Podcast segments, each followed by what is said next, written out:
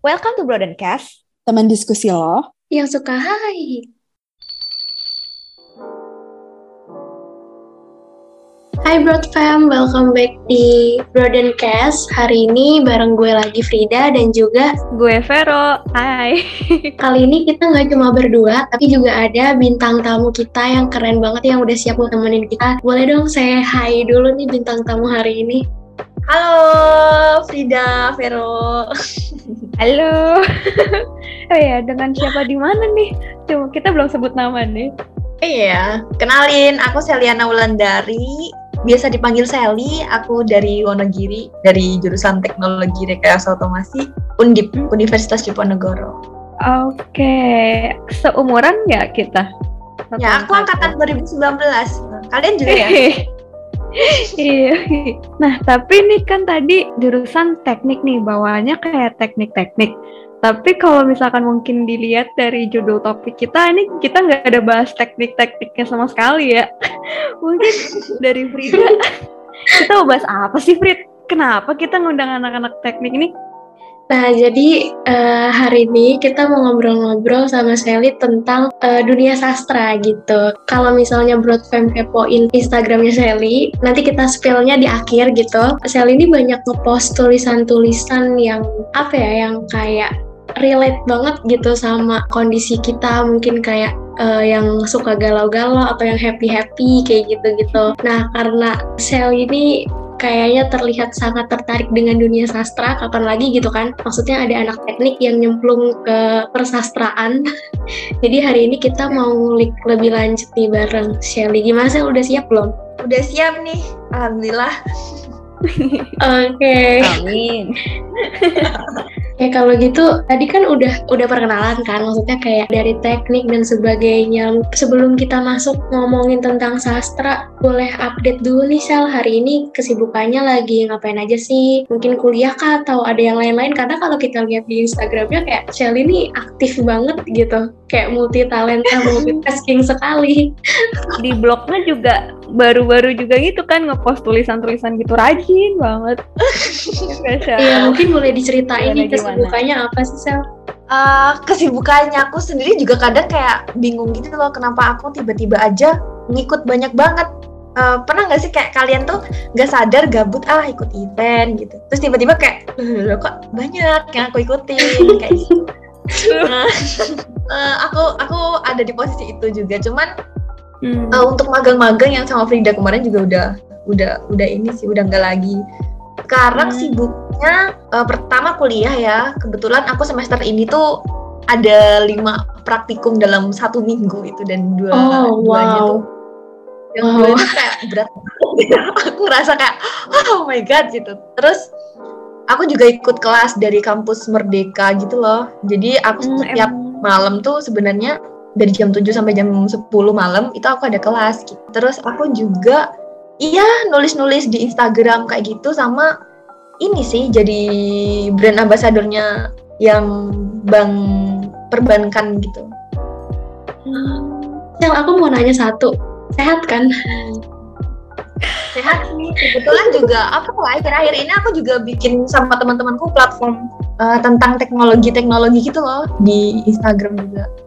Sama nulis-nulis, oh. sama kadang juga kayak bikin konten di IG gitu yang itu sebenarnya aku aktif di IG itu uh, kayak apa ya kalau orang-orang zaman sekarang healing gitu loh. Harus gimana lagi gitu. Asik aja kalau bikin-bikin tulisan-tulisan gitu di Instagram. Cukup ya, sibuk ya Ya, tapi balance gitu nggak sih Frit? Kayak misalkan kuliah di teknik dan masih menekuni uh, teknik itu karena bikin platform sendiri sama temennya. Tapi juga punya hobi uh, di bidang sastra dan dia nekunin juga, nekunin banget di sastra itu. Terus kayak mm -hmm. masih jalanin kuliah secara normal, masih ada apa sih kampus Merdeka. Wah, Wah gila banget. Kalah lu Frit. bukan bukan kayak balance itu sih sebenarnya kayak hmm. aku tuh suka yang nulis terus yang sastra sastra itu karena apa ya karena itu sesuatu yang bikin aku merasa hidup gitu. Oh nggak sih aku udah capek banget di teknik. Mm kayak udah ah, capek banget. Ya udah aku larinya itu ke nulis itu sendiri. Jadi bukan Hmm. kayak eh aku harus nulis terus. Enggak. Kayak di bawah santai aja sih kalau yang nulis-nulis itu. Hmm. Capek capeknya tuh jadi menghasilkan sesuatu gitu ya Keren Iya, banget. capek gila gila Kapan gitu kita. Alright. Oke, nah kalau ngomongin sastra nih, Shell, menurut kamu sendiri mungkin sebagai seorang apa ya bisa dibilang sebagai seorang penulis nggak sih ya. gitu? Udah berapa lama Shell di bidang sastra ini?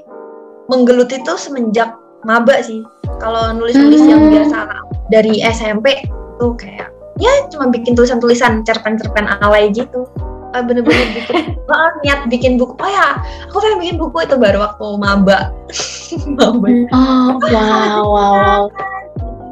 Tapi emang berarti maksudnya itu udah hobi banget dari dari SMP ya? belum konsisten sampai yang kayak sekarang gitu kalau yang masih bocil dulu Hmm. Oh. Nah, tapi menurut kamu sendiri nih, Sal, suatu karya sastra tuh apa sih artinya buat seorang Sally? Oke, kalau buat aku sendiri ya, karya sastra itu kayak jembatan gitu loh. Jembatan biar kebentuk aku yang sekarang. Karena jujur ya, dulu tuh waktu pertama kali SD itu dikenalin kayak karya-karya sastra kayak puisi-puisi lucu-lucu yang dari majalah bekas gitu kan dulu.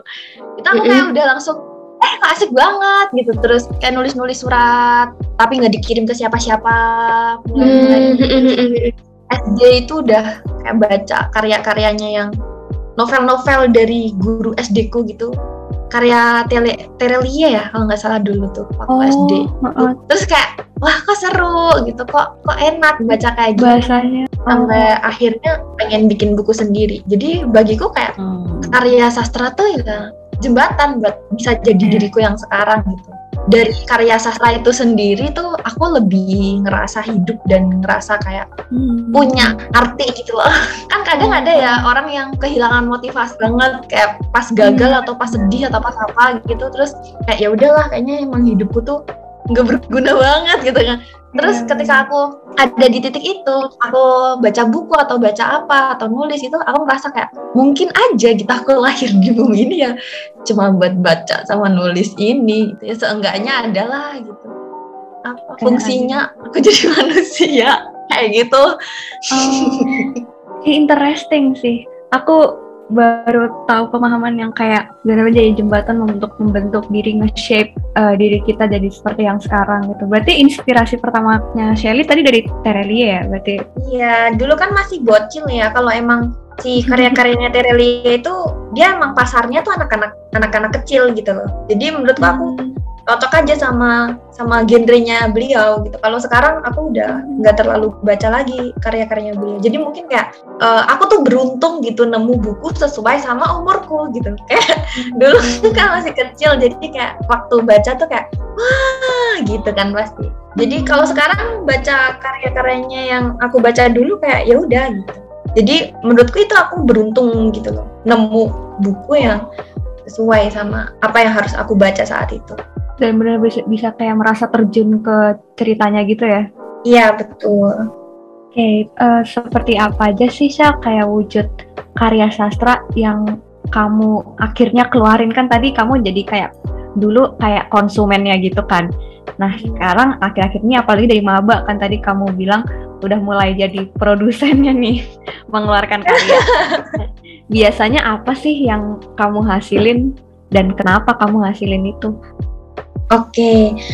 Jadi eh, apa yang udah aku hasilin tuh awal-awal banget itu aku bikin kayak tau lah postingan-postingan Instagram yang bisa di slide slide Mm, mm, gitu mm. kayak Mm, proposal gitu. Terus aku juga sering curhat di blog gitu. Kalau Rida Hmm. sama baca itu kan kadang ya yang bawa-bawa itu kayak alay banget. Aku kadang kayak tulisan apa ini gitu. Jadi aku awal-awal itu emang dari situ gitu. Terus kadang tuh ada banyak hal ya pasti di dunia ini yang nggak bisa kita raih gitu kayak aku pengen ini, Hmm. aku pengen di sini, aku pengen aku suka sama orang ini dan ternyata dia nggak suka sama aku gitu kan ada banyak ya. Nah dengan aku nulis tuh ternyata kayak aku bisa jadi eh, tanda kutip jadi Tuhan lah ya, jadi Tuhan yang menentukan Hmm. takdir dari tokoh yang aku buat ini. Jadi ya udah aku pengennya sama sama orang ini orang itu aku jadiin tokoh terus gayanya tuh aku dia tuh ngejar-ngejar aku dan lain-lain terus aku di sini bisa masuk jurusan yang aku pengen masuk kampus yang aku pengen dan lain-lain. Kan kayak nyaman aja gitu. Aku jadi uh, punya dunia sendiri yang di situ aku bisa ngatur aku punya apa. Aku berlanjut berlanjut bikin buku sih bikin buku itu uh, bisa dibilang novel-novel populer ya. Kalau sastra kayaknya uh, terlalu ini, terlalu berat kalau dibilang sastra karena masih kayak novel yang novel ya novel-novel anak muda gitu belum belum sehebat kayak karyanya Pramudia atau Eka Kurniawan kayak gitu. Jadi waktu bikin buku itu sendiri, aku juga ngerasa kayak akhirnya gitu kan dari sekian banyak buku-buku yang aku baca sebelumnya tuh aku bisa punya sendiri gitu buku itu yang di situ aku ngerasa ambisius banget semester satu tuh pengen bikin buku karena aku pengen abadi aja sih. Karena dulu waktu SMA itu uh, aku juga sering ikut lomba-lomba kayak lomba cerpen, lomba puisi dan lain-lain. Cuman mm-hmm. aku ngerasa ketika aku juara, ya udah gitu loh, juara terus ya udah habis juara udah apalagi gitu ya? uh, lupa. Gitu. Terus aku juga ikut kayak lomba-lomba esai gitu-gitu kan.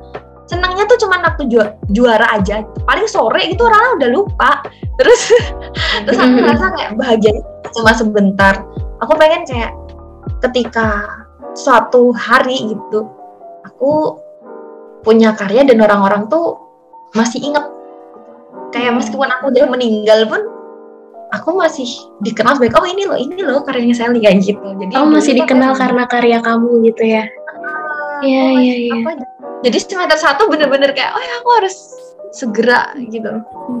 Nyiptain buku-buku sendiri menarik banget sih tadi yang kamu bilang di awal gitu. Maksudnya kayak kamu suka bikin tulisan-tulisan yang ya emang kalau bikin cerita kan kita yang autornya gitu ya kan. Kita yang bisa ngelit dengan ceritanya mau kayak gimana gitu. Aku paham sih kenapa akhirnya itu jadi sebuah pelarian buat kamu gitu. Karena kamu di situ bisa membuat sesuatu yang mungkin nggak bisa nggak bisa relate atau nggak bisa terwujud nyatakan di dunia nyata gitu kan iya bener bener jadi kayak udah dunia sendiri. Nah, terus ada nggak sih sel uh, mood tertentu gitu yang yang akhirnya tuh mempengaruhi kamu untuk ngebikin sesuatu? Kayak misalnya kamu nulis yang galau-galau gitu di Instagram, apakah itu ketika mood kamu emang lagi galau atau gimana? Uh, Sebenarnya nggak harus galau terus akhirnya bisa tercipta kata-kata galau gitu sih. Kalau dulu tuh uh, aku masih kayak bisa nulis ketika aku lagi merasakan itu. Dulu ya waktu dulu banget waktu awal-awal. Cuman kalau sekarang ya tinggal mainin trigger aja sih kayak oh aku pengen nulis uh, tentang galau-galau nih. Ya udah aku kayak cuman dengerin musik galau gitu. Apalagi kan sekarang lagi hmm. banyak banget ya tren musik galau gitu di TikTok gitu. Benar kita benar udah benar kayak ngerasain orang yang paling tersakiti sebumi gitu. jadi ya udah. Akhirnya aku bisa menulis gitu. Terus kayak misal bahagia dengerin lagu sedih gitu ya udah aku juga bisa nulis. Jadi uh, bisa sekarang sih bisa dikontrol kayak gitu sih. Cuman emang ya cuman emang kalau misal kita lagi pas patah hati gitu alah kalau nulis kayak sedih gitu langsung gampang banget. Set set set set, set gitu. Aku juga hmm. sering kok beberapa waktu lalu kan Rida kayaknya tahu deh aku kayak patah hati gitu kan. Tapi di situ aku nulis ya udah tentang cinta aku kayak ya udah biasa aja gitu. Dan dan ternyata ya berhasil berhasil aja. Makanya uh, aku pikir nggak terlalu berpengaruh besar sih sebenarnya di aku ya kan orang beda-beda. Cuman kalau mood hmm. yang mood nulis sama mood nggak nulis itu itu agak oh. agak berpengaruh kadang kayak kita udah kecapean banget kayak kuliah terus tiba-tiba ada kelas tambahan sampai jam sebelum malam. Hmm. Jadi kalau semisal udah capek gitu biasanya ya ya udah gitu. Kalau semisal udah nggak bisa nulis ya nggak usah dipaksain istirahat terus besok baru ini baru nulis. Aku biasanya gitu sih. Hmm, gitu jadi kurang lebih sebenarnya nggak berpengaruh eh, nggak uh, ada mood mood tertentu. Misalkan kan ada ya penulis yang kebanyakan moodnya kayak mellow terus atau mungkin uh, histeria kayak ceria banget. Tapi kamu kayaknya nggak ada semacam genre tertentu yang uh, membuat kamu kayak ngedalamin itu di cerita kamu tapi yang jelas yang pengaruhnya gede itu so pasti mood atau enggaknya nulis gitu ya buat nulis Iya itu sendiri. Heeh. Tapi maksudnya Iya. kayak tadi tuh jadi keren banget gitu loh. Yang tadinya kamu bilang kalau dulu tuh mood kamu bisa pengaruhin apa yang mau kamu tulis, sekarang justru apa yang mau kamu tulis tuh jadi kamu bisa ngemanipulasi mood gitu. Ngerti Iya, gak sih Sel? Kayak iya. kayak itu sesuatu yang kayak susah buat dilakuin gak sih? Karena kayak misalnya lagi galau, tapi uh, sebenarnya Iya, pengen nulis yang seneng-seneng gitu kan. Tinggal Bisa. cari aja nih triggernya apa yang bisa bikin seneng gitu ya kayak wow. bisa gitu jadi agak-agaknya jatuh cinta gitu lagi yang romance tingkat dewa padahal sebenarnya hati sendiri lagi patah banget patah hati itu kayak level manipulasi yang wow Kenapa ya? Karena udah udah kebiasaan gitu loh. Aku tuh Hmm. sebenarnya agak gengsi ketika lagi patah hati gitu ya. Terus aku nulis galau tuh kayak "Haha, nanti orang yang menyakiti Iya. pasti aku hahaha kamu Oh. berhasil. oh Jadi aku ngerasa kayak gitu ya nanti nanti aja gitu. Kalau misal waktu patah hati apakah aku tidak menulis galau? Iya, menulis, cuman Menulis. nggak aku post gitu. Dan aku juga Hmm. bisa bisa nulis eh, yang bahagia-bahagia itu karena aku juga waktu sedih tuh nggak yang sedih terus kayak ha ya udah aku tidak bisa melakukan apa-apa. Tapi kayak aku berusaha oh ya aku lagi sedih tapi nggak apa-apa ini emang waktunya sedih aja gitu. Terus aku kayak langsung dengerin apa stand up komedi sampai kayaknya stand up komedi satu YouTube aku dengerin semua terus lagu-lagu Ya jatuh cinta lagu-lagu semangat kayak gitu-gitu ya itu biar biar aku nggak nggak apa ya istilahnya aku tuh paling benci Hilang. sendiri kalau misal ada orang yang bisa mengontrol perasaanku gitu loh jadi aku nggak mau ya ini Eh. ini perasaanku tuh aku gitu yang harusnya bisa mengontrol itu aku aku nggak mau dikontrol sama orang lain. makanya ya itu aku harus emang pengen pandai-pandai aja pematangan emosinya lebih baik daripada aku sendiri selaku anak psikologi. Cara konsep, cara-cara kayak gini, eh, apa namanya, sering kan diomongin kayak kita mau jangan biarkan eh, lingkungan sekitar mengaruhi emosi kita gitu dan sebagainya. Tapi ini benar-benar diterapin dan berhasil dan bahkan jadi hal yang produktif gitu loh. Kayak a whole new level of mau kematangan emosi sih. Kalau dari aku bilang ya, Cap, keren banget. tapi itu kan asalnya emang dari gengsi nggak sih kayak aku tuh gengsi ya, sem- ada semacam apa maksud tersembunyi ya itu gengsi yang pengen biar nggak kelihatan orang kalau lagi sedih gitu. iya benar Hmm, Oke, mungkin tadi uh, bahas-bahasannya soal mood ya. Sekarang aku pengen nanya kalau misalkan uh, gimana sih gaya penyampaian kamu kalau misalkan lagi nulis gitu. Kan tadi dari mood kayak temanya gitu kan. Kalau misalkan dari diksi atau dari alurnya atau aspek lain gitu, kamu ada kayak gaya tersendiri gitu nggak sih? Oke, kalau dari aku itu biasanya Hmm. pakai kata-kata yang ya udah kayak kata-kata yang mudah dipahami gitu loh, kayak kata-kata sehari-hari. Hmm. Cuman eh, beberapa tuh malah justru ya eh, aku bikin tulisan kayak yang tulisanku blog yang nomor 1 sama 2 sama 3 yang ini baru. Itu tuh aku pengennya tuh nulis sedih tau nggak? Kayak ya udah aku sedih aku sambat sama apa yang aku rasain. Gitu tapi orang-orang tuh bacanya ngakak aku kadang bingung ini lucunya di mana gitu. Kan "Ah, ini tuh sedih gitu kan. Enggak kamu lucu banget ini apa? Ini temanmu kayak agak kafir itu maksudnya apa? Kayak gitu gitu kan. Terus kayak enggak emang bahasa aku tuh bahasa yang ya udah bahasa yang biasa aku gunain sehari-hari gitu yang mudah dipahami gitu.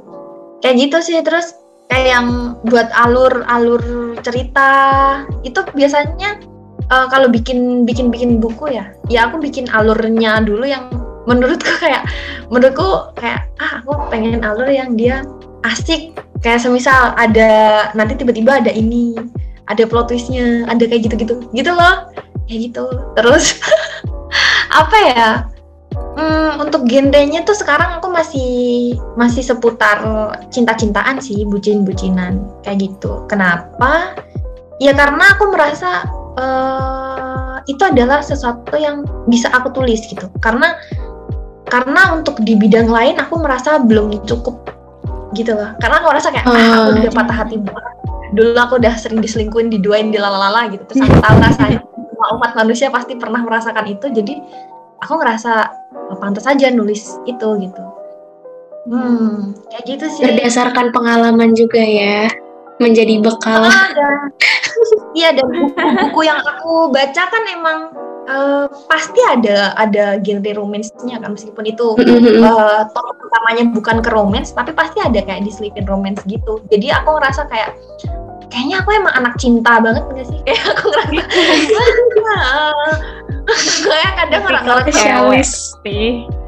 Gak tahu ya kadang banyak banget teman-teman dari IG tuh yang kayak nanya kak ah ini gini kayak tiba-tiba curhat masalah cinta yang diselingkuin atau apa ditinggal menikah dan lain-lain kan kayak dikiranya aku pro banget gitu padahal di sini tuh maksudnya aku nulis tentang cinta ya karena aku jadi korbannya cinta ini sendiri gitu ya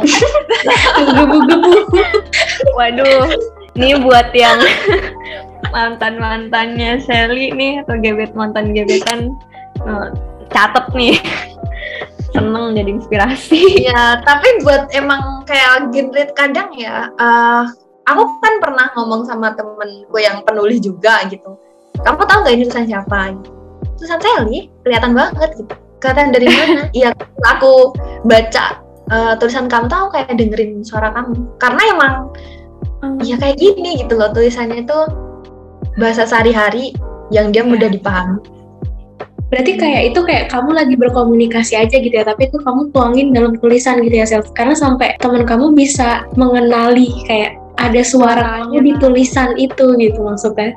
iya iya bener-bener bakal mengaruh banget kalau emang kayak dari temen sendiri gitu ya yang baca kayak makin kenal kan, makin udah sering ngobrol, udah sering cerita-cerita bareng, terus begitu kamu nulis udah langsung ini bahasa Shelly banget, ini bahasa Shelly banget, ini cerita Shelly banget, ini udah Iya. kebayang nih suara Shelly gitu, nada intonasi dan lain sebagainya udah kegambar di kata-kata. Iya bener-bener, iya kayak gitu dia bilangnya juga kayak gitu kemarin.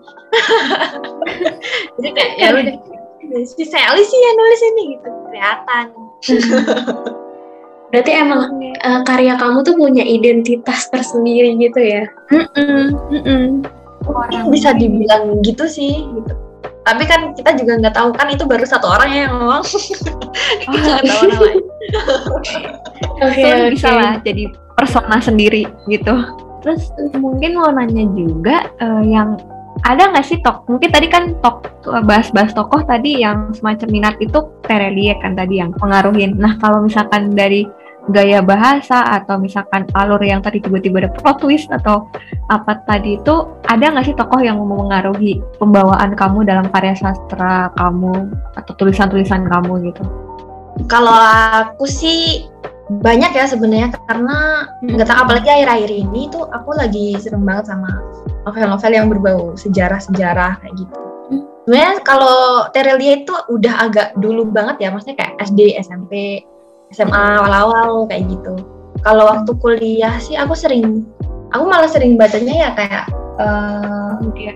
karyanya Pram aku namanya- Pram. Terus kemarin tuh aku juga bacaan dari apa? Seno Gumiro itu kayak gitu-gitu. Ya asik aja ternyata kayak aku merasa emang udah umurnya baca buku kayak gitu gitu. umurnya kayak kayak umurnya baca kayak gitu. Karena kan kayak ya asik gitu kayak ngerasa pas aja genrenya sama aku yang sekarang. Jadi kadang eh, kadang tuh tulisanku atau eh, prosaku, puisiku tuh ada yang kayak unsur pramnya dikit gitu. Terus kadang juga ketika aku bikin puisi kan kalau eh, kayak penyair kayak gitu-gitu ya. Yang sekarang tuh aku sukanya An Mansur kan sama Asap Ardi gitu. Kadang juga Ah. ada kayak itunya dikit gitu. Jadi eh, nggak terlalu yang satu tokoh banget sih. Oh, berarti kalau misalkan dari eh, alur atau kayak novel gitu mungkin lebih kayak bahasa-bahasa yang kayak Pram, Senogumiro gitu. Terus kalau tadi prosa kayak An Mansur, Sapardi, terus mungkin W.S. Rendra mungkin. Iya, cuman kayak bukan yang kayak pram banget terus ini Hmm, kayak apa ya? Cuman cuman ada sedikit gitu loh. Tau nggak sih kayak kadang ada beberapa part yang kalau dibaca tuh kutipan-kutipan Hmm. gitu. ya. bukan kutipan juga apa ya? Kayak karakternya lah nggak sih kayak Oh. gitu.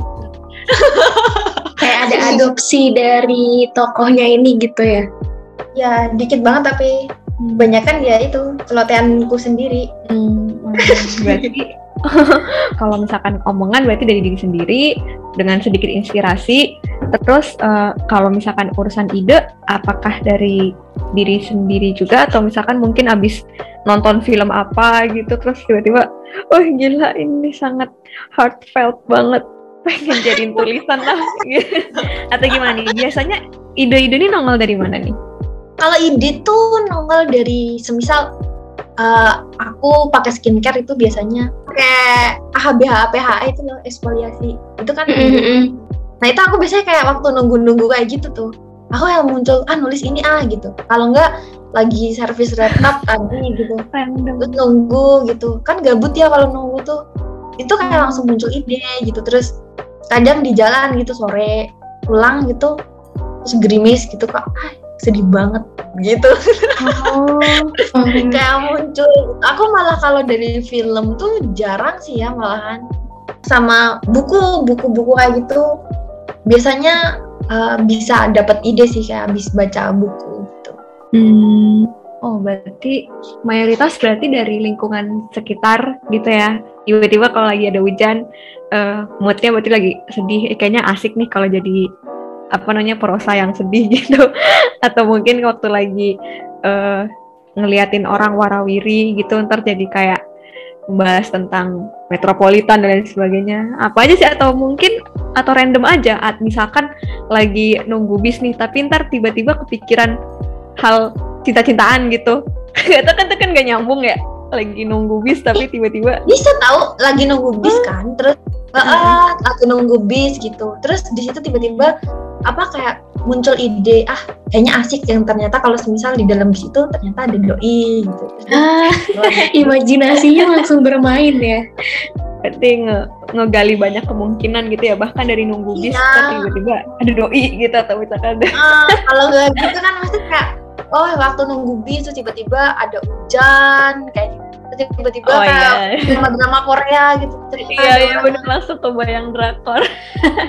cuman kadang juga mikirin kayak yang posisi sih kayak semisal tadi ya yang bis tadi. Kan nunggu bis nih. Ya udah gayanya tuh kayak aku sosokan aku lagi nunggu bis.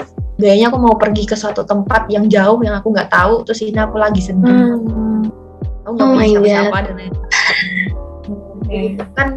Biasanya muncul kayak gitu. Oke. apalagi waktu mau berangkat eh, ke kampus. Kan ah, dari Wonogiri ke Semarang itu kan jauh yang lumayan. Kalau dari rumahku tuh 8 jam tahu karena saking desanya rumahku. Nah itu naik bisnya lama banget. Dulu tuh aku sempat eh, menghasilkan banyak karya tuh waktu itu. Jadi aku dengerin musik juga sambil eh, di di kaca duduknya biasanya. Nah biasanya Dita aku memposisikan diri sebagai apa ya kayak orang paling tersakiti sebumi gitu loh kayak aku merasa sedih Iya, kepala disandarin di jendela melihat Iya, pemandangan. kayak menciptakan video klip Iya. lagu itu gitu kadang Terus aku sambil nulis. Begitulah anak-anak alay hidup. Eh, Berarti dari kondisi apa aja maksudnya gitu kan? Makanya kenapa tulisannya bisa relate ke sehari-hari karena ya emang kamu ngebayanginnya ketika emang lagi di situasi itu gitu loh. Kayak itu asik banget sih aku ngebayanginnya gitu. iya, tapi nanti malah jatuhnya kalau orang-orang kayak nggak mengerti ya, itu kayak ini anak kebanyakan halu banget gitu. Iya, kayak, Bahkan dulu tuh ada di salah satu postinganku ya, aku tuh makan es krim. Makan es krim, aku foto. Terus aku bisa bercerita cuma gara-gara es krim itu gitu. Kayak ya Oh udah es krim. god. random banget kan kita nggak tahu Iya. ide itu datangnya kapan gitu jadi ya udah makanya itulah kema- kema- kenapa ke mana-mana tuh dulu banget aku tuh sering bawa eh, buku kecil gitu buku buat nyatet Oh. apa gitu bahkan sampai sekarang tuh aku Hmm. sering nulis di diary tahu kayak masih kuno banget jadi karena kayak Iya enggak loh, karena gitu. nulis di nulis langsung gitu tuh kayak enak. Aku juga sampai sekarang kadang masih nulis gitu kok di diary karena feel-nya beda nggak sih sel? Kayak ada sesuatu betul. yang iya gitu. iya dan lebih apa ya lebih kecenya lagi kalau kita nangis tuh kadang tetesan air matanya itu masih tersimpan Jadi bekas Oh my god. dan dibuletin gitu nggak sih? Isu. kayak gitu banget kalau dibulatin ditandain ini adalah air mataku saat mikirkanmu Oke oke, tapi berarti uh, tadi kan maksudnya banyak nih uh, momen-momennya gitu. Ada nggak sih kesulitan-kesulitan yang kamu alamin gitu? Mungkin uh, ketika pas nyari ide mungkin karena tadi kan ide-idenya itu kan muncul ketika momen-momen random gitu. Apakah kamu jadi kayak nungguin nih kayak oh nanti uh, gue mau berangkat ke kampus di bis kayaknya nanti harus ngebayangin ini deh gitu. Nah ketika misalnya kamu nggak ngedapet imajinasi itu ketika kamu ada di bis apakah itu jadi problem ke kamu sendiri atau gimana nih? Enggak sih. Karena aku ngerasa kayak apa ya aku nggak bakalan mikir ah nanti aku di sana bakalan dapet ide. Gitu enggak hmm. enggak beda. Jadi ya udah aku menjalani kehidupan sehari-hari kayak manusia normal biasanya gitu loh. Dan hmm. uh, ketika aku nggak dapet ide sekalipun dalam sehari gitu itu bukan sesuatu yang bikin aku ngerasa ah aku sehari ini nggak dapet ide. Kayak ya Allah harusnya aku kayak gini-gini. Enggak. Hmm. karena bener-bener nggak ada beban ya uh, karena menulis itu sendiri adalah uh, tempatku lari dari dari permasalahanku yang ada di teknik itu sendiri. Jadi aku ngerasa nggak ada tuntutan buat aku harus ini harus itu gitu. Karena jujur ya, karena aku sayang sama diriku sendiri dan emang nggak ada suatu tuntutan buat aku harus, oh kamu harus berkarya nih kayak gini kayak gini gini harus tiap hari produktif gitu gitu gitu karena aku pernah ada di posisi itu. Dan ternyata itu jadi bikin hidupku gak nyaman dan karyaku jadi hambar aja. Jadi ya udah. Hmm. sekarang sih aku ngerasa kayak kalau emang ada di momen yang pas gitu pasti ini kok pasti ada aja gitu. Bahkan semisal nih emang uh, sehari ini aku ngerasa nggak nggak dapet ide gitu. Nggak dapet ide sama sekali. Ya udah aku nulis aja. Kalau hari ini aku kehidupanku biasa-biasa aja aku nggak dapet ide aku hari ini sebel banget karena ini capek dan lain-lain. Keluh kesahku itu ternyata juga bisa jadi satu karya di blog gitu. Ya hmm. ya iya, iya, iya. dari info inspirasi gitu nggak ada hambatan. Tapi mungkin kalau misalkan cara penyampaian nih misalkan di kepala udah ada aduh ada udah ada perasaan udah ada mood udah ada ide. Tapi dituangin dalam bahasa kira-kira ada hambatan gitu nggak ya kalau dari kamu Hmm, dari aku tuh biasanya kalau semisal uh, aku kepikiran sesuatu nih, terus di situ aku males banget nulis, males apa, ya udah biasanya uh, bikin grup. Aku sekarang bikin grup sendiri buat tugas. Jadi grup namanya aku sendirian. nah, biasanya aku nulis di WhatsApp, terus aku kirim ke itu. Terus kalau semisal ide itu kan biasanya nggak langsung kayak jadi bener-bener 100% bagus gitu ya. Jadi kayak cuman kadang berapa paragraf satu ataupun dua aja. Nah habis itu malamnya kalau lagi mood pengen nerusin ya aku terusin. Ya udah jadi gitu cuman ada kalau kendala tuh lebih ke waktu gitu. Tadi kan aku juga bilang kalau kadang capek banget gitu ya. Sebenarnya itu capek itu loh. Aku kadang juga ngerasa ah aku kenapa jadi remaja yang jompo begini? Gampang banget capek jadi kalau udah capek ya pengennya tuh kayak tidur. Itu gak sih? Nggak ngapa-ngapain bukan nggak ngapa-ngapain sih. Nggak bikin tulisan gitu ya karena kecapean dari pagi sampai malam banget. Itu ada acara kayak gitu. Menurutku kendala selama ini ya itu sih kayak waktu sama badan aku yang sering kecapean. Karena emang kalau nulis itu sendiri kan belum jadi sesuatu yang bener-bener aku prioritasin banget kan. Yang sekarang kan kayak kuliah gitu dan kebetulan aku punya hobi menulis kayak gitu jadi ya kalau semisal nanti pada akhirnya menulis itu jadi beban ya aku nanti takutnya aku mau lari ke mana lagi gitu. Jadi benar, makanya benar, sekarang benar, benar, benar. bawa santai aja gitu. Nikmatin prosesnya.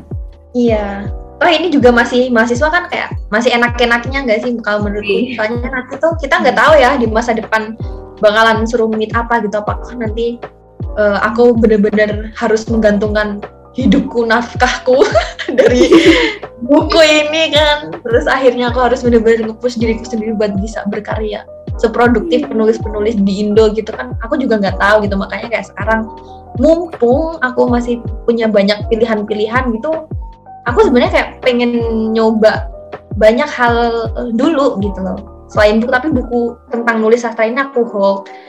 Kayak gitu. Makanya kemarin aku ikut iseng-iseng daftar yang content writer oh ternyata aku nggak cocok kalau tulisan yang seperti ini atau enggak aku hmm. jadi BA oh ternyata aku agak nyaman di sini terus yang di kampus Merdeka ini aku jadi nyoba jadi project manager gitu kan kayak oh ternyata ini asik dan lain-lain biar nanti tuh waktu aku udah lulus kuliah tuh aku kayak tahu gitu loh seenggaknya Oh, jadi benar-benar explore dulu gitu ya sekarang ya. iya jadi ya gitu lah tapi untuk nulis itu emang ada sesuatu yang lain di di hatiku gitu kan udah ada rumahnya sendiri jadi meskipun aku nanti Asik. profesinya seperti apa nulis Pasti bakalan- balik lagi. Aja ke rumah gitu ya. Tanda kutip ke rumah. Oke, berarti tadi udah bahas banyak kan soal kayak pilihan, eh, mungkin jam melompat-lompat ke berbagai opsi gitu. Mungkin sekarang eh, pengen mendalemin ke konsistensi nih dalam karya sastra. Nah, kalau dari Shelly sendiri, seberapa familiar sih eh, kamu dengan masalah ada ide cerita tapi nggak jadi jadi sebuah cerita, novel, prosa atau karya gitu nggak jadi karya karena nggak tuntas gitu dituangkan dalam tulisan. Pernah dengar atau mengalami nggak mungkin malan? pernah dengar dan sering mengalami juga Eh, sebenarnya ada banyak banget buku setengah jadi yang ada di laptopku ya. Ada ada tiga naskah novel bahkan yang sampai sekarang tuh belum belum aku lanjutin. Karena kemarin tuh ketika aku kena covid itu ya kan aku kayak nah semua orang nyuruh aku diem aja gitu. Kalau kayak gini ya aku ngerasa semakin menyiksa diriku sendiri gitu. Terus akhirnya aku iseng buka file-file aku lama yang di situ aku dulu ngerasa stuck gitu ya istilahnya. Letter block. Nah di situ aku waktu baca tuh kayak "Hah, tulisan macam apa ini? Gitu. Ya udah aku baca baca lagi aku baca lagi aku baca lagi. Oh aku tahu nih. Itu ini tulisanku zaman dulu yang ternyata aku udah kehabisan ide. Mau aku bawa ke mana terus Ah. banyak juga dulu aku pernah ngisi materi juga di kalau di nggak salah di UNY atau di mana ya. Itu dia banyak banget yang nanya kayak wah gimana ya? Gimana ya caranya biar kita itu konsisten nulis? Kayak gitu. Kayak ya udahlah. Kalau aku mengatasi itu biasanya kalau semisal buat buku itu kan emang yang paling capek apa yang paling berat itu ketika kita bikin dan nulisnya itu kan beratus-ratus Mm-mm. lembar.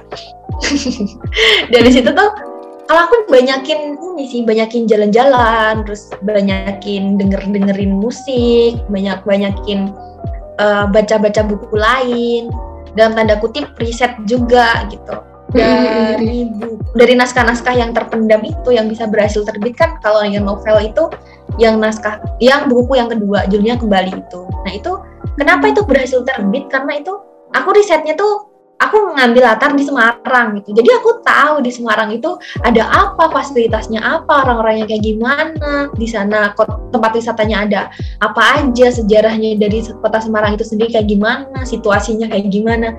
Jadi di situ aku ada banyak banget apa ya bahan-bahan buat aku cerita di situ gitu loh.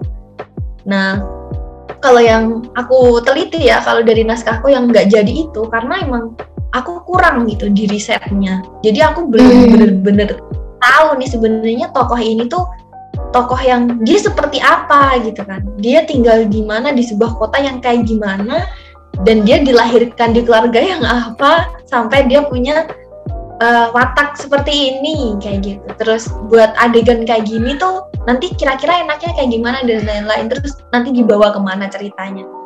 Itu bakalan eh, kebantu kalau kita bener-bener punya riset yang kuat gitu sebelum eh, dan dalam proses bikin bukunya.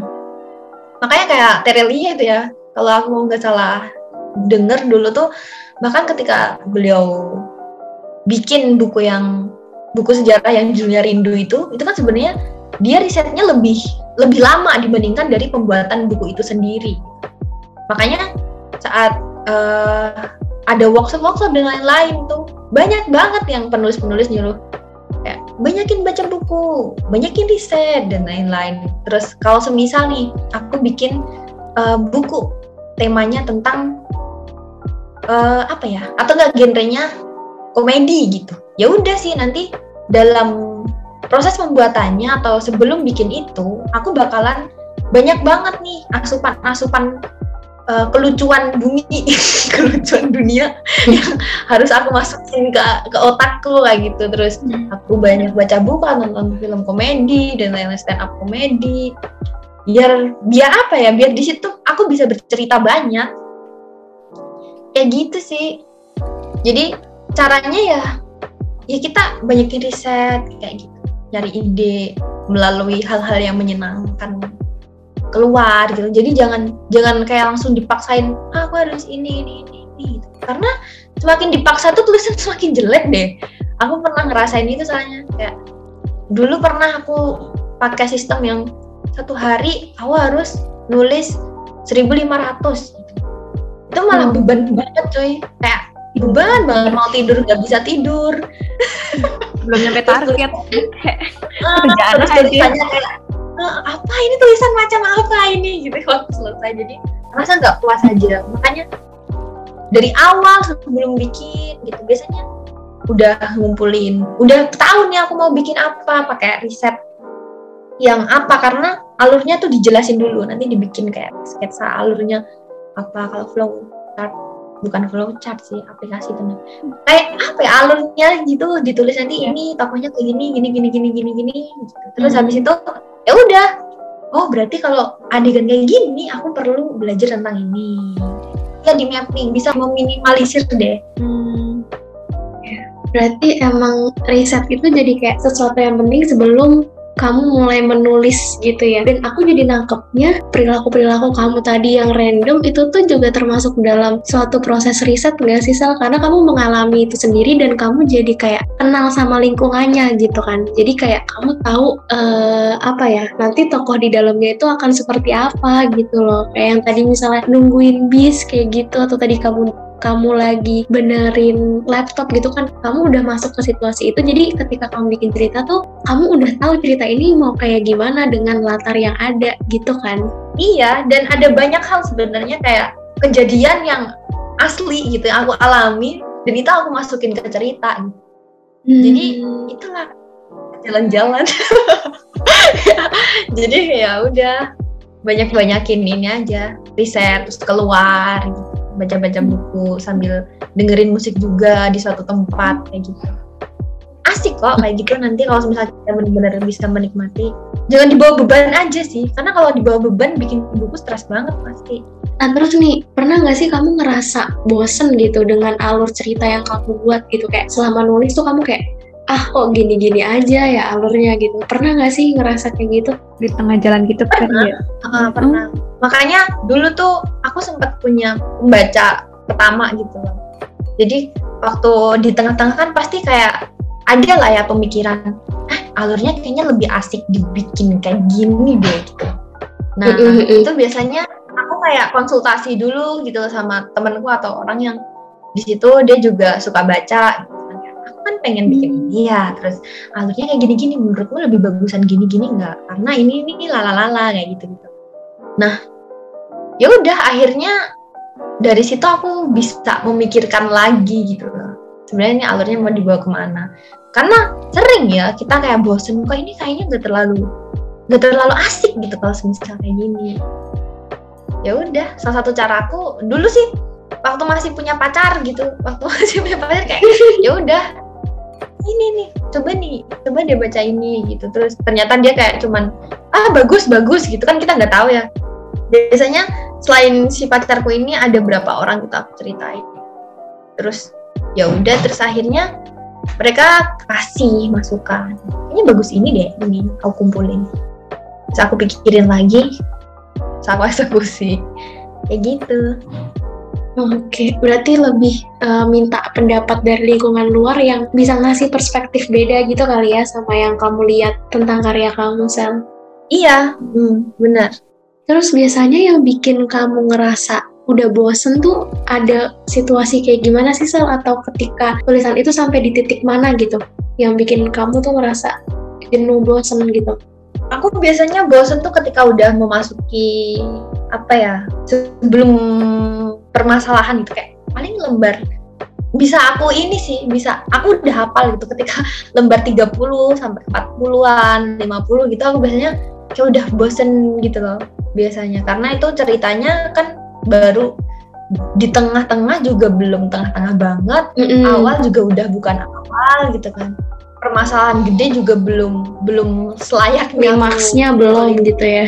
jadi aku ngerasa kayak kadang ada gitu bosen bosen kayak bosen nulis terus bosen bosen ngelanjutin cerita gitu bosen sama alur yang aku bikin terus tiba-tiba muncul kayak siapa juga yang mau baca tulisan kayak gini kayak gitu gitu loh Eh, Tapi ada kayak sisi-sisi ini ya, sisi-sisi judgementnya gitu ya. Padahal belum, maksudnya belum sampai apa ya, belum sampai klimaks. Padahal gitu, tapi kamu ngerasa kayak tulisannya ngebosenin deh gitu. Jadi eh, apa ya, berusaha mencari ide baru atau gimana gitu Sal.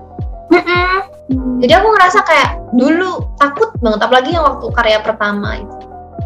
Dari awal bikin itu aku udah udah ada ketakutan kayak nanti kalau orang-orang malah baca tulisanku terus mereka malah ketawa gimana atau kalau mereka malah jijik sama aku kayak apa banget ini bucin banget gitu-gitu. Gimana terus ya banyak lah ketakutan itu. Tapi nggak tahu kenapa ya aku dulu masih aja nulis. Meskipun ada takut ada bosan ada apa gitu ya udah tetap aja ditulis gitu. Kayak apa ya istilahnya kayak kita kuliah gitu loh guys. Jadi kayak ah capek banget kuliah pengen nikah. Tapi masih kita masih kerjain tugas masih masuk. Karena kayak merasa hal itu perlu juga nggak sih? Kayak nulis tuh nggak terpisahkan gitu. Kalau kayak kita kan kuliah ya kali kita tiba-tiba tuing cabut dari kuliah udah dibayarin gitu kan atau mungkin udah bayar gitu. Cuman mungkin kalau nulis mungkin bukan karena uang atau tanggung jawab tapi lebih karena yang tadi kamu ada kaitannya nggak sih sama yang kamu bilang di awal-awal banget kalau misalkan nulis itu bikin kamu hidup gitu. Jadi kayak kalau iya berhenti eh, nulis berhenti ngide berhenti nyelesain kayak mau ngapain lagi? Hampa banget gitu. Iya dan kan aku emang pengennya orang tuh tahu oh Sally dia penulis. Paham nggak sih? Kayak oh Sally penulis Iya. gitu loh. Aku emang kayak udah udah sepede itu gitu. Kayak masih sih penulis nggak punya karya kan kayak apa banget gitu. Aku pengen aku pengen Benar. dikenal orang lain sebagai penulis. Makanya aku harus punya karya. Kalau aku pengen punya karya ya caranya gimana? Ya caranya nyelesain naskah ini gitu jadi kayak Hmm, nggak ada cara lain kan memperkuat motivasi berarti ya. Hmm. iya mungkin bisa dibilang kayak gitu tapi tetap aja Frida sebenarnya habis ada kayak ah motivasi gini gini gini kayak tapi tetap aja mengeluh terus insecure gitu. Ya. ada lah Nah, terus nih kalau ngomongin ini Sal tentang gaya penulisan kamu, tadi kan udah sempet eh, sedikit dibahas juga ya, kayak kamu tuh menulis tuh bener-bener apa ya, menggunakan bahasa sehari-hari supaya pembaca kamu tuh juga bisa mungkin lebih relate, lebih paham juga sama tulisan yang kamu bikin. Tapi pernah nggak sih kamu ngerasa jenuh gitu kayak, duh kok kayaknya tulisan gue gini-gini aja, apa nyoba yang lebih puitis ya, atau yang lebih lebih apa ya, lebih santai, lebih gaul atau gimana gitu nggak? Aku dulu sih itu dulu waktu waktu masih awal-awal bikin tulisan-tulisan itu aku sempet nyobain banyak banget. Bahkan genre ya. Dulu aku aku tuh kan eh, SMA-nya kayak agak agak-agak pesantren dikit gitu.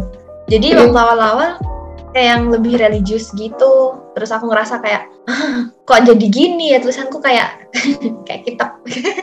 Kayak apa ya, enggak asik terus akhirnya aku nyoba coba nulis yang lain nyoba puisi puisi puisi yang dalam tanda kutip alay gitu loh. Puisi yang ya puisi puisi anak-anak baru belajar puisi gitu. Ada juga yang agak aku bikin sok-sokan puitis banget. Aku pernah nyoba kayak gitu.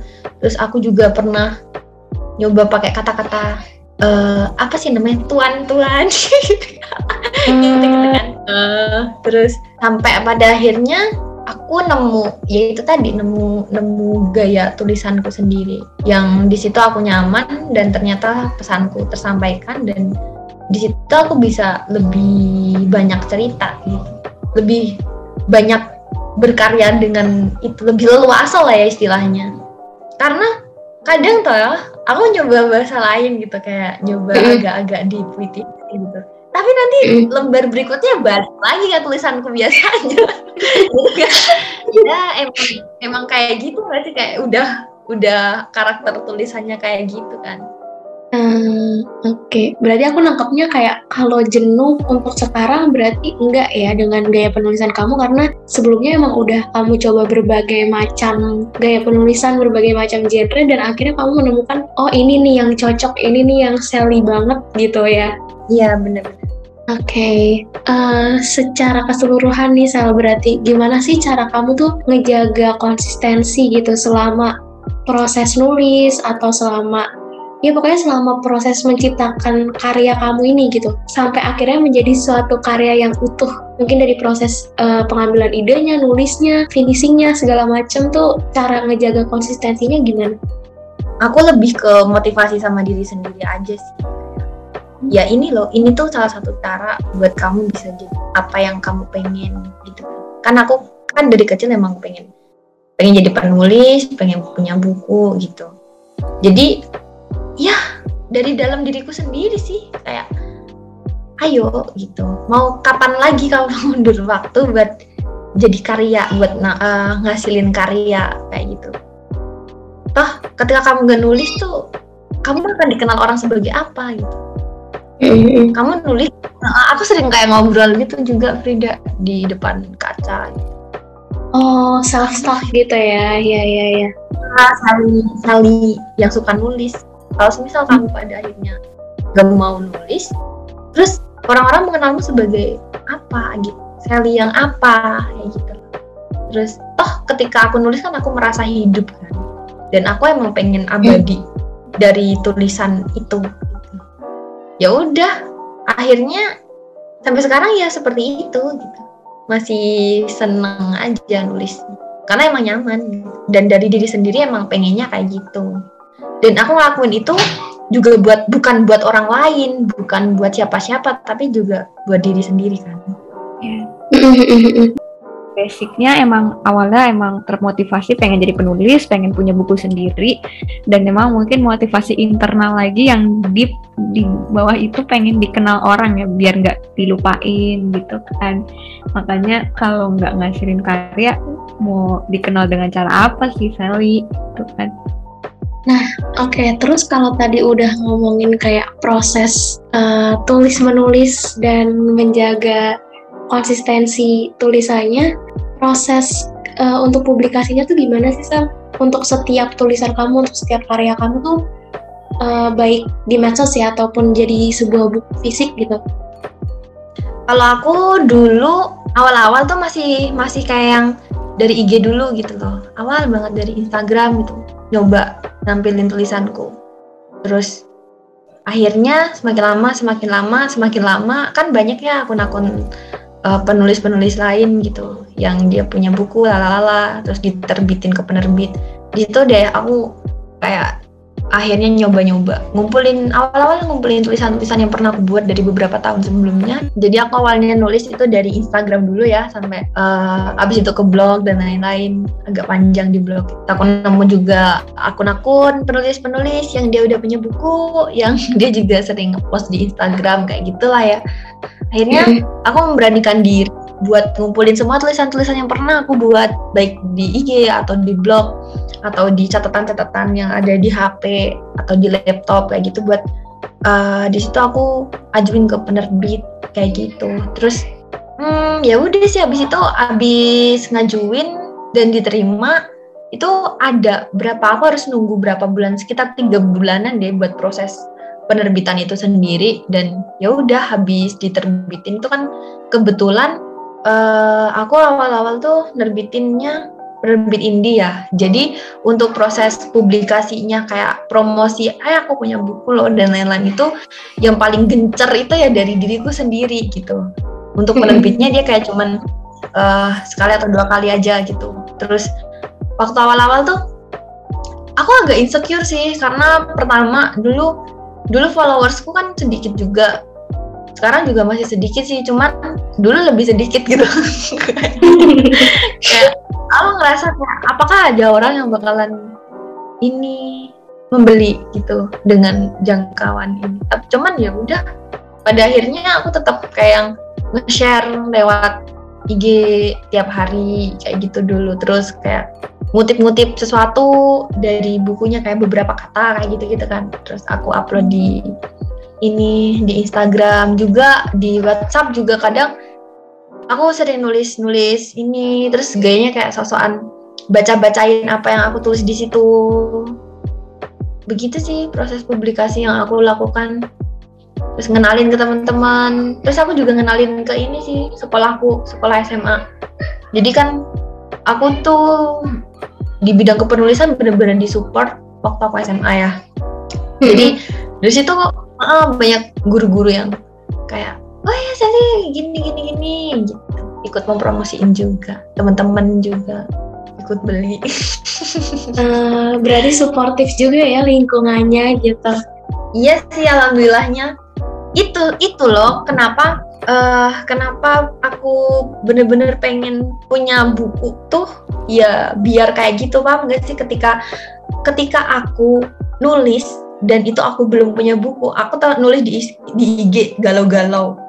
Orang-orang taunya ya udah Sally gitu aja. Pasti orang ngira itu aku curhat gitu kan. Kayak ini anak apa mm. banget deh? Kayak masa pribadi dibawa ke media sosial gitu. Mm. nah ketika aku udah bawa udah tahu apa aku udah nyiptain buku gitu. Orang-orang tuh tahu oh nih anak nulis berkarya gitu karena dia seorang penulis gitu. Kayak gitu. Jadi lebih orang-orang jadi lebih suportif aja gitu loh ketika aku bikin karya Berarti uh, maksudnya selain dia emang lingkungannya suportif, terus yang paling uh, gue cukup highlight sih ini ya, emang keberanian di awal gitu buat mempublikasikan. Karena dulu gue sempat ngobrol juga sama salah satu cutting gitu dan dia bilang kita tuh sekarang berkarya uh, generasi Z ini berkarya tuh ya bisa gitu kayak melalui media sosial kayak yang Sally pertama-tama di Instagram. Tapi ya gimana awalnya kita bisa berani dulu gitu buat buat ngepublikasiin buat nunjukin ke publik kalau ini loh kita bisa nah ini kita punya passion di sini gitu. Dan itu uh, aku sih yakin bukan sesuatu yang mudah nggak sih Sel buat nunjukin apalagi dengan adanya mungkin perspektif orang-orang yang bakal kayak apaan sih masa galau-galau dulu di medsos masa masalah pribadi diumbar-umbar gitu ya. Itu pasti bukan sesuatu yang mudah bu buat ngepublikasiin gitu kan. Iya nggak mudah banget. Apalagi waktu awal-awal aku mulai uh, serius nulis di IG itu kan maba ya. Maksudnya itu masih kayak yang uh, sama anak-anak SMA juga gitu loh masih sering ketemu. Gitu. tuh banyak temanku kayak yang kamu tuh apaan sih nulis kayak gitu? Kayak gitu loh kayak iya kamu hmm. sih kan nulis kayak gitu? Terus uh, iya kayak yang alay gitu. Kalau nggak alay pasti bukan Sally gitu. Gitu gitu lah cuman karena aku ngerasa kayak aku aku aku nyaman sama apa yang aku lakukan gitu dan aku emang melakukan ini bukan buat mereka juga. Terus aku merasa ini sesuatu yang uh, bikin aku bertumbuh gitu ya. Kayak aku emang pengen jadi penulis gitu. Ya udah aku terusin aja. Tahu pasti mereka juga bakalan capek. Kadang tuh bahkan sampai sekarang tahu kan pasti ada lah ya orang-orang yang kayak gitu di lingkungan sekitar juga. Apa sih nulis kayak gitu apa sih penulis tapi nulisnya yang cinta-cintaan dulu kayak gitu gitu yang nggak apa-apa gitu. Itu kan uh, tergantung kenyamanan kita juga. Ya udah yang penting kita aku terus berkarya dan aku nggak nyakitin siapa pun dan aku ngerasa aku nyaman sama apa yang aku lakuin aku merasa aku bertumbuh di situ aku lanjutin terus sih. Kayak udah gitu lah jalan aja. Jalan aja. Tahu-tahu eh udah satu tahun nih nulis. Eh udah dua tahun nih nulis Nah, berarti selain kayak tadi ada judgement-judgement kayak gitu dari lingkungan kamu, terus mungkin tadi kamu sempat mention juga kayak ada insecure-insecure-nya gitu ya, Sel. Selain tadi yang udah kamu bilang, kamu ngatasinya dengan balik lagi ngerimain diri kamu kalau ya apa yang kamu lakukan itu sesuatu yang bisa bikin kamu senang, yang bisa bikin kamu enjoy. Selain itu ada nggak sih kayak cara-cara kamu buat uh, menghadapi para netizen ini dan juga mungkin rasa insecure kamu itu gimana? Aku tuh kenal sama diriku sendiri bahwa ketika aku ingin melakukan sesuatu pasti aku bakal merasa itu gitu kayak insecure yang sangat luar biasa ya menurutku. Karena jujur waktu hmm. awal pertama kali naskah terbit itu aku nangis tau. Aku nangis tadi lah aku nangis banget. Aku takut kalau orang itu tahu tulisanku ini jadi buku dan mereka baca dan mereka kayak ah karya apa ini? Gitu loh. Terus Hmm. mereka bakalan ah Sally kayak bucin banget sih gitu.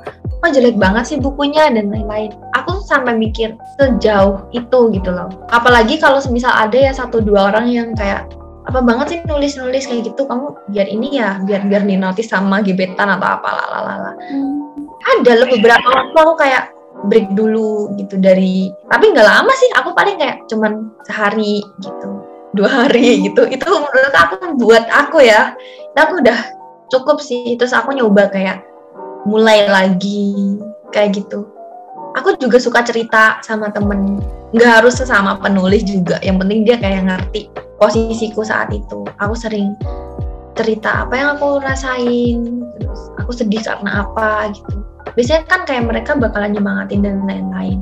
Itu itu apa ya bekerja banget buat aku gitu loh. Kayak ah aku jadi punya semangat gitu. Maksudnya di situ aku bisa tahu ternyata di dunia itu nggak nggak semua orang tuh menolak apa yang aku lakukan kok gitu. Banyak juga yang suka sama tulisan. Dari situ jadi bisa melihat dari sisi lain gitu. Waktu ternyata aku mempublikasikan karyaku yang pertama dan ada yang suka juga ternyata itu. Aku kayak malah "Hah? Kok ada ya orang yang suka sama tulisanku gitu. Kayak dia nggak kenal aku dia nggak suka eh dia nggak pernah ngobrol sama aku tapi dia suka sama tulisanku terus dia kayak kayak pengen nge-DM kayak ah karyanya gini-gini lalalala gitu. Itu malah justru kayak oh ternyata emang aku punya pasarnya sendiri gitu. Jadi aku sadar bahwa emang semua yang kita lakuin kan nggak ada yang kayak bener-bener semua orang bakalan suka kan. Pasti ada dia yang nggak suka dan ada suka gitu. Jadi aku bener-bener sadar banget soal itu.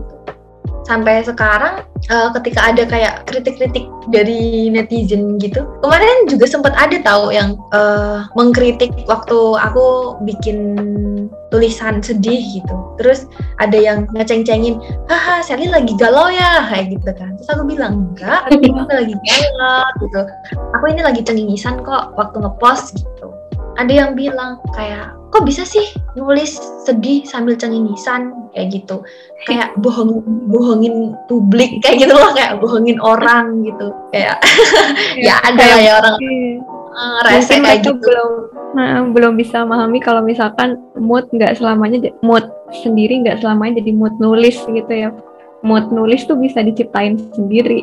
Kayak Iya, tadi kamu dan aku awalnya tuh eh, waktu cerita sama kayak sama temen kayak gitu aku pengen menanggapi yang kayak serius buat ngejelasin kayak kalau sastra itu gini lah cuman sama temenku ini orang cuman rese aja gitu. Banyak orang yang gitu dia cuma rese aja dan nanggepin dia malah semakin seneng dan iya bener waktu aku nyoba ah nanggepin ah gitu. Aku jelasin kalau semisal nunggu sedih dulu ya orang-orang uh, bakalan susah dong bikin tulisan sedih gitu kayak semisal semisal kita mau bikin tokohnya ini kena bencana alam gitu masa kita mau harus nunggu tsunami dulu baru kita bikin kan nggak mungkin terus ya.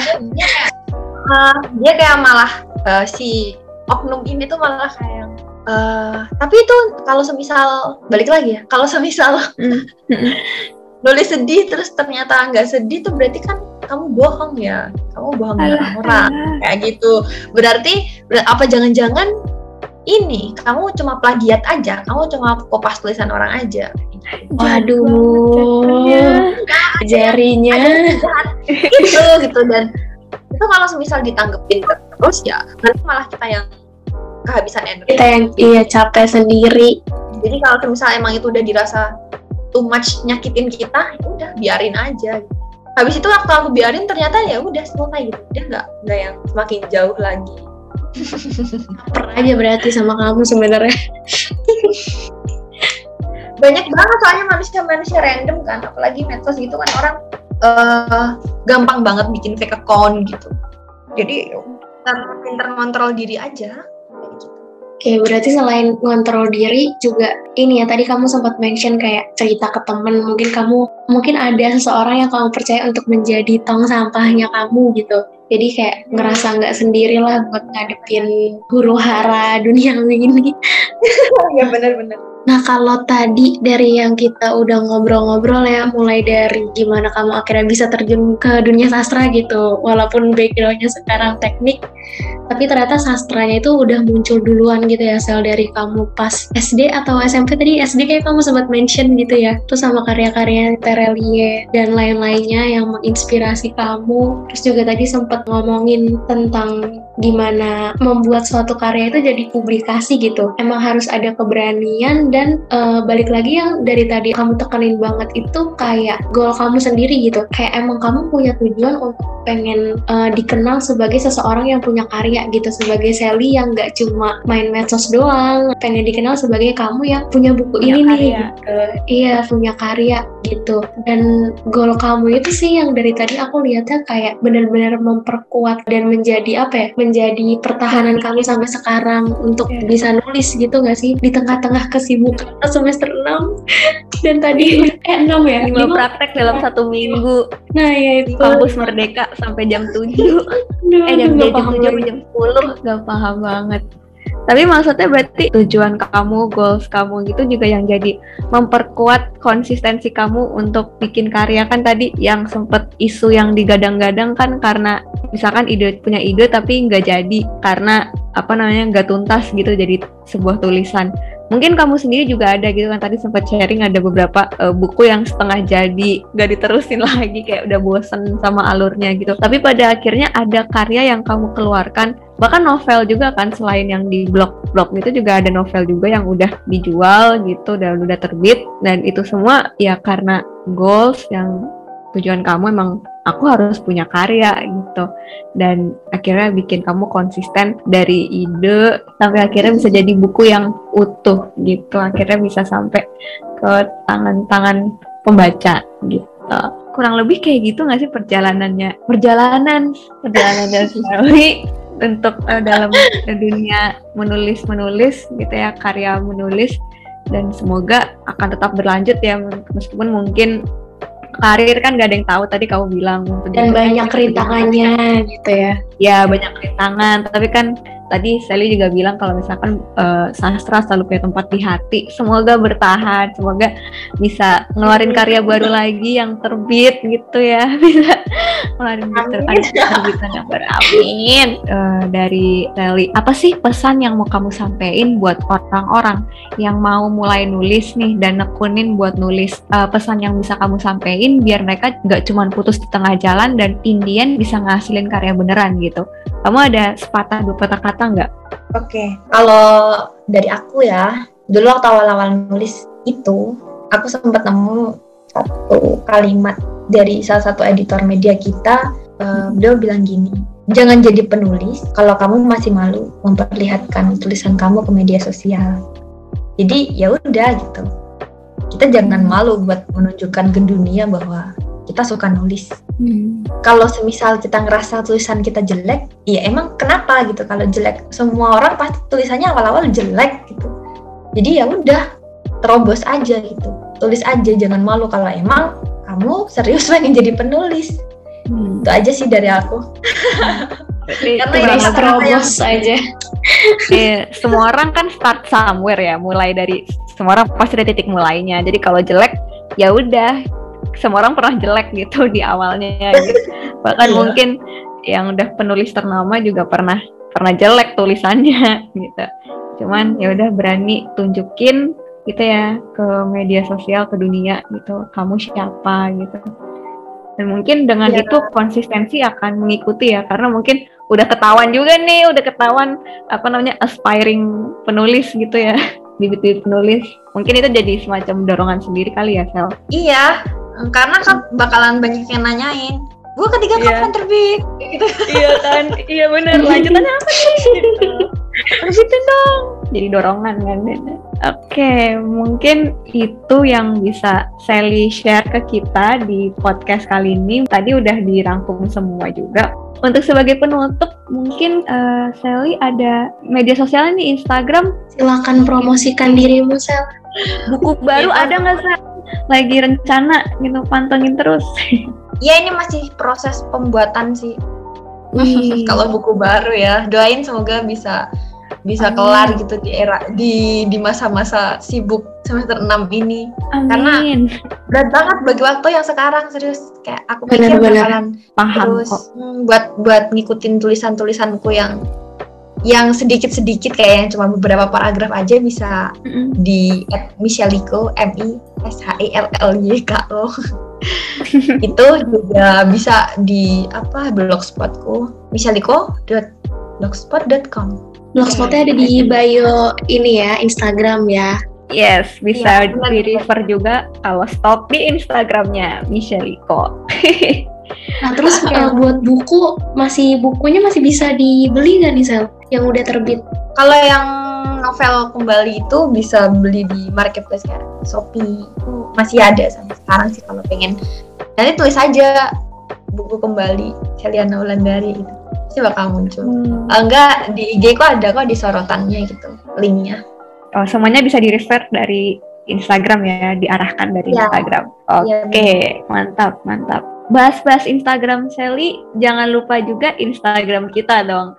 Kita jangan lupa juga buat eh, selain follow Micheliko juga jangan lupa follow Instagram at broadcast underscore underscore underscore-nya dua kali untuk eh, mengetahui atau menemukan lebih banyak konten lainnya selain podcast ini.